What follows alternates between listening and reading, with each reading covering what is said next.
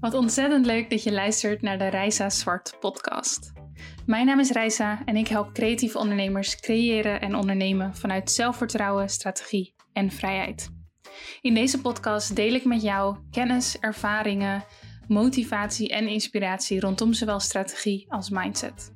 Ik neem je heel graag mee in mijn eigen groeiprocessen en deel daarin over zowel successen als leermomenten. Dit alles omdat ik geloof dat wij elkaar kunnen helpen. Ik geloof dat wij samen een markt kunnen creëren vol ondernemers die echt weten wat ze doen. Die authentiek zijn, die zichzelf durven neer te zetten als expert, die de juiste prijzen rekenen. Oftewel, die echt impact durven te maken. Ik heb er super veel zin in, dus laten we beginnen.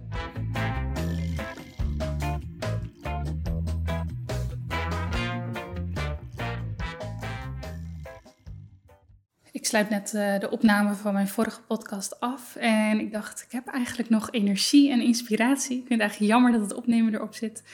Dus wat is dan de oplossing? Ik neem er gewoon nog eentje op.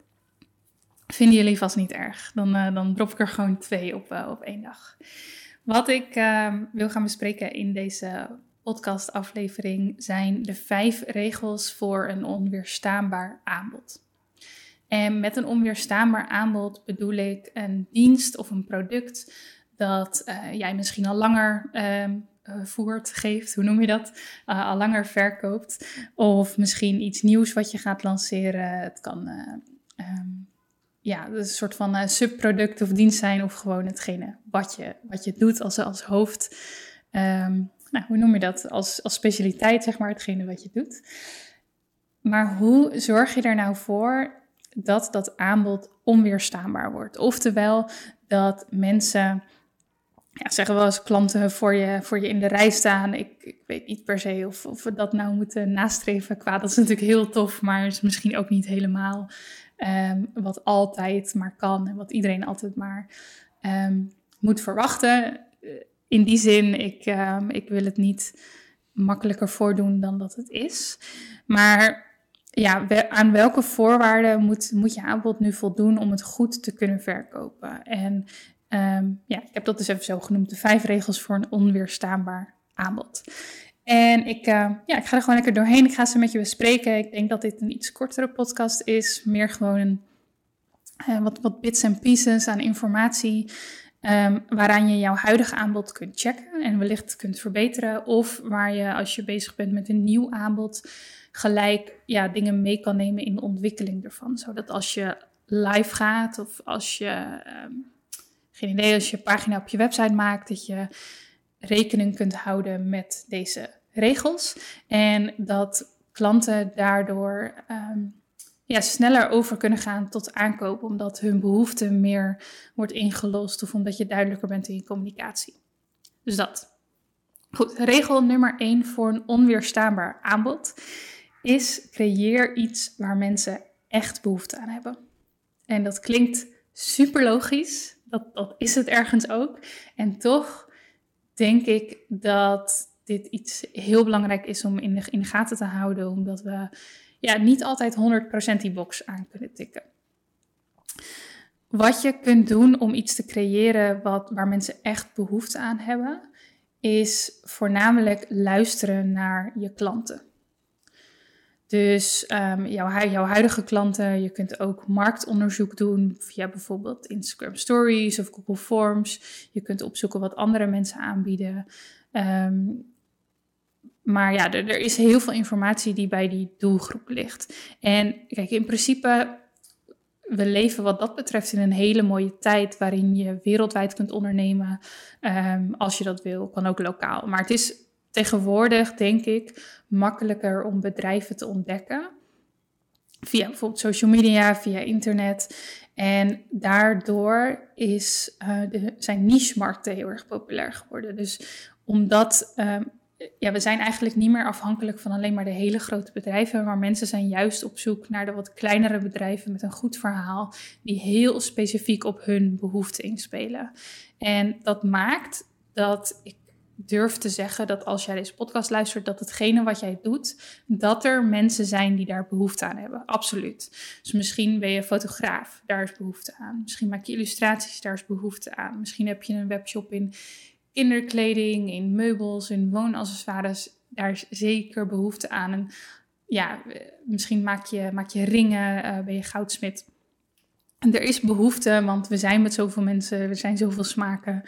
Um, ik, ja, ik geloof echt dat er voor, voor elk product in die zin een bepaalde markt en een bepaalde behoefte is. Alleen soms heeft een product of een dienst net een tweak nodig om echt in te spelen op die behoefte en om jezelf te onderscheiden van andere mensen in je markt. En om te vinden wat dat dan precies is en hoe je beter op die behoefte in kunt spelen, zul je dus goed naar de markt moeten kijken en beter naar je klanten moeten luisteren. Um, en um, dat, dat kan, zoals ik net zei, door een soort van marktonderzoek. Maar het kan ook of op een ja, wat, wat creatievere manier misschien. Stel dat jij bijvoorbeeld van mensen om jou heen of mensen online heel vaak dezelfde vragen krijgt. Dus rondom een bepaalde kwaliteit die jij hebt, rondom een bepaald gevoel wat ze bij jou krijgen, een bepaalde specialiteit. Als je daar heel veel vragen over krijgt, dan kan dat ook een teken zijn dat mensen heel erg behoefte hebben aan. Ja, of nou ja, dan, dan is dat eigenlijk een teken dat mensen behoefte hebben aan kennis uh, rondom dat bepaalde punt. Ik hoop dat dat een beetje duidelijk is. In ieder geval kun je ervan uitgaan dat als jij telkens dezelfde vraag krijgt, of um, als mensen telkens dezelfde complimenten geven over jou, als mensen telkens maar op een bepaald onderwerp met jou komen als ze in gesprek met jou zijn, of dat nu klanten zijn of um, misschien ook wel je vrienden en dat soort dingen. Dat zijn allemaal een soort van hints die bij kunnen dragen aan waar hebben mensen nu echt behoefte aan en hoe speel ik daarop in. En dit is, ja weet je, dit klinkt allemaal heel leuk qua theorie. En dit is ook iets wat ik zelf al jarenlang lees en hoor. Maar ik denk dat ik het afgelopen jaar pas echt ben gaan inzetten. Um, in die zin dat ik gewoon ja, heel erg mezelf, mezelf soort van open heb gesteld. Um, qua wat willen mensen dat ik maak. Um, en bij mij, in mijn geval, komt het dan vaak neer op zeg maar, de online cursussen die ik maak, bijvoorbeeld. Die ben ik minder gaan maken vanuit, oké, waar, wat vind ik op dit moment heel erg tof? Maar ik ben heel erg gaan kijken naar waar vragen mensen mij naar. Mij, maar ook anderen. Maar voornamelijk wat vragen mensen nu aan mij en wat voor complimenten geven ze, geven ze mij. En welk product of dienst kan ik aanbieden waar ik onwijs enthousiast van word, maar waar zij dus blijkbaar ook al behoefte aan hebben. En wat je daarmee doet, is dat je dus niet langer um, behoefte moet gaan creëren, maar dat die behoefte er eigenlijk al is en dat jij kunt zeggen: hé, hey, ik ben hier om dat in te lossen. En je kunt je voorstellen dat marketing en dat verkopen dan natuurlijk veel makkelijker gaat.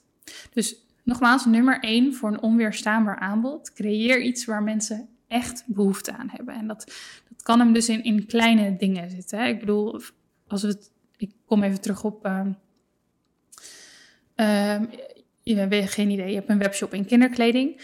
Daar is behoefte aan, want kijk maar naar hoeveel kinderkleding er geshopt wordt op het internet. Alleen de vraag is dus, kun jij iets vinden um, waar mensen naar vragen en wat ze niet zo goed kunnen vinden en waar jij enthousiast van wordt? Dan heb je een soort van sweet spot te pakken, waardoor het opzetten en het laten groeien van jouw bedrijf veel makkelijker wordt. Ja, ik hoop dat het duidelijk is. En anders dan, dan hoor ik het wel. Dan mag je me mailen, mag je me een DM sturen en dan uh, helder ik dat op. Maar volgens mij moet dat wel duidelijk zijn zo. En als mensen dus blijven vragen naar een bepaald onderwerp, dan is dat denk ik een heel mooi teken dat je daar um, iets mee kunt gaan doen. Dat je eh, een bepaald product in kan gaan kopen waar mensen om vragen. Um, als je kennisdeler bent, dan um, kun je iets gaan, gaan teachen, dus iets gaan.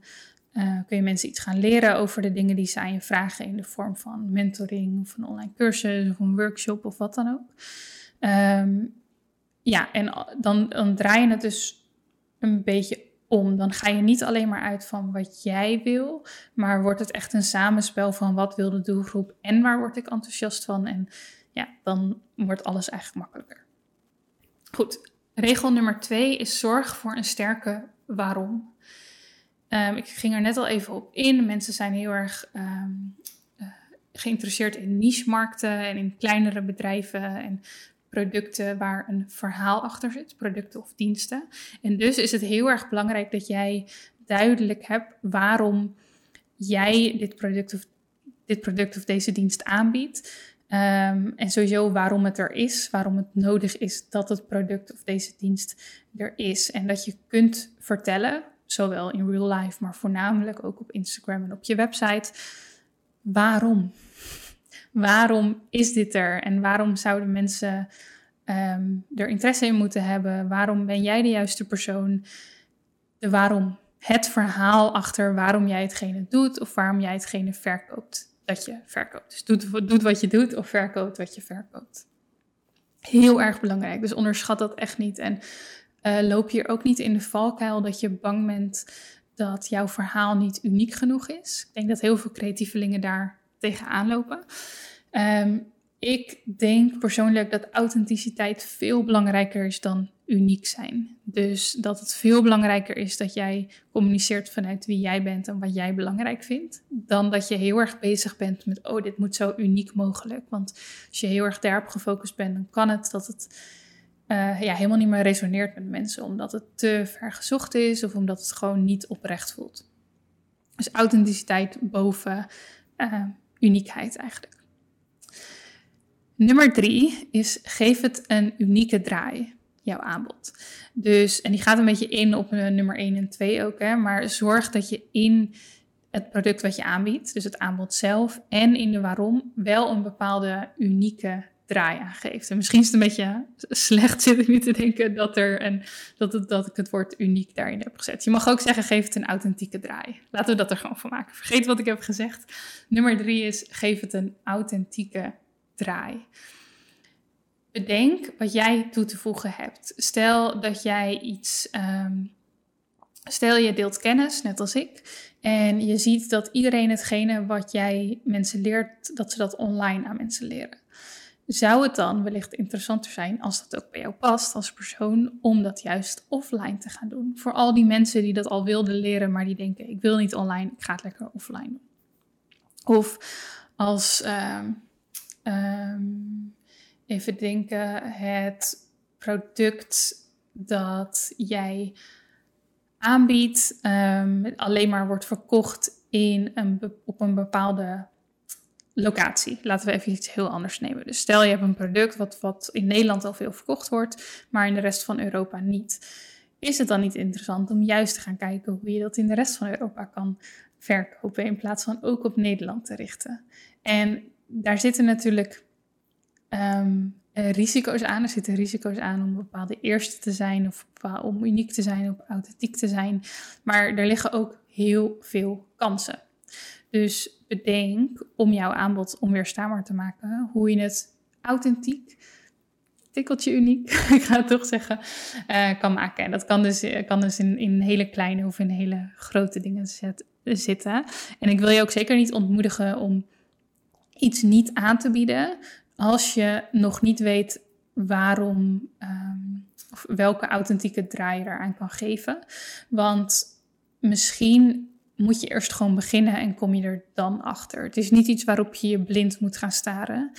Um, en dat geldt eigenlijk voor al alle regels die ik aan je meegeef. Um, ik noem het regels. Het is ook echt echt heel belangrijk om je aanbod onweerstaanbaar te maken. Alleen het laatste wat ik wil is dat als jij nog niet begonnen bent, ehm, dat je wacht met beginnen doordat je per se 100% wil voldoen aan deze regels. Stel dat je merkt dat ze je benauwen, maak het dan richtlijnen. En als je al wat verder bent in onderneming, dan kun je het echt als regels gaan zien en dan kun je echt ja, de volgende stap maken door te zorgen dat je je aanbod voldoet aan al deze regels. Nummer vier, wees duidelijk over resultaten. Dus als je iets verkoopt, vertel dan niet alleen maar over ehm, wat het precies is en hoe het uh, in zijn werk gaat, zowel bij een product of een dienst, maar laat ook zien wat het resultaat is. En als jij kennis deelt, net als ik, dan zijn dat bijvoorbeeld uh, testimonials van andere kandidaten. En, um, of als het een bepaalde techniek is die je zelf heel vaak heb geïmplementeerd en die bepaalde resultaten heeft gegeven. Wees dan open in jouw resultaten, zodat mensen goed kunnen beslissen of het iets voor hun is of niet. Als we even gaan naar ehm, ja, bij uh, fotografie bijvoorbeeld. Ik, ik weet dat veel fotografen mij volgen. Ik ben zelf natuurlijk ook fotograaf. En dit is iets, en dat is heel gek eigenlijk, want fotografen hebben een heel duidelijk eindproduct, een heel duidelijk resultaat. En toch zie ik dit vaak fout gaan. Bijvoorbeeld op ehm, websites van bruidsfotografen die dan een portfolio hebben met alleen maar highlights van um, bruiloften. Terwijl in mijn opinie zou je series moeten laten zien. Want dat is uiteindelijk het eindresultaat. Mensen kopen niet highlights, mensen kopen niet losse foto's, mensen kopen een bruidsreportage, mensen kopen een serie. Dus dat is ook wat je moet laten zien. En dat is duidelijk zijn in resultaten in dit geval. Dus dat is een klein voorbeeldje en dat is ja, iets persoonlijks wat ik dan vaak tegenkom. Maar zorg dat mensen echt kunnen zien wat ze krijgen, want dat neemt de drempel om te kopen, uh, neemt daarbij af. Plus het is natuurlijk ook gewoon eerlijk om echt te laten zien wat het resultaat is. Want anders dan um, ja, ben je misschien ook een beetje gebakken lucht aan het verkopen. Of in ieder geval, dat is de valkuil waar we in zouden kunnen stappen. Nummer 5 van een onweerstaanbaar aanbod is herhaling. Wat ik hiermee wil zeggen is dat als jij een aanbod hebt en je wil dat dat onweerstaanbaar wordt, oftewel dat het makkelijker wordt uh, om te verkopen en makkelijker wordt voor mensen om de beslissing te maken of het product of dienst voor hun is, dan zul je moeten werken met herhaling. Misschien heb je dit wel eens gehoord, maar mensen moeten gemiddeld zeven keer iets zien voordat ze um, over kunnen gaan tot actie. Dus ze moeten zeven keer iets lezen, iets zien, iets horen over jouw product of dienst voordat ze een beslissing kunnen maken of dit iets voor hen is. En dit is een gemiddelde, hè? dus sommige mensen hebben één keer nodig, sommige mensen hebben dertig keer nodig. Um, het gemiddelde is zeven. En wat ik veel ondernemers zie doen, is um, niet vertellen over hun aanbod. Dus het staat wel ergens op de website, maar ze vertellen niks erover, bijvoorbeeld op social media of als ze mensen ontmoeten of dat soort dingen.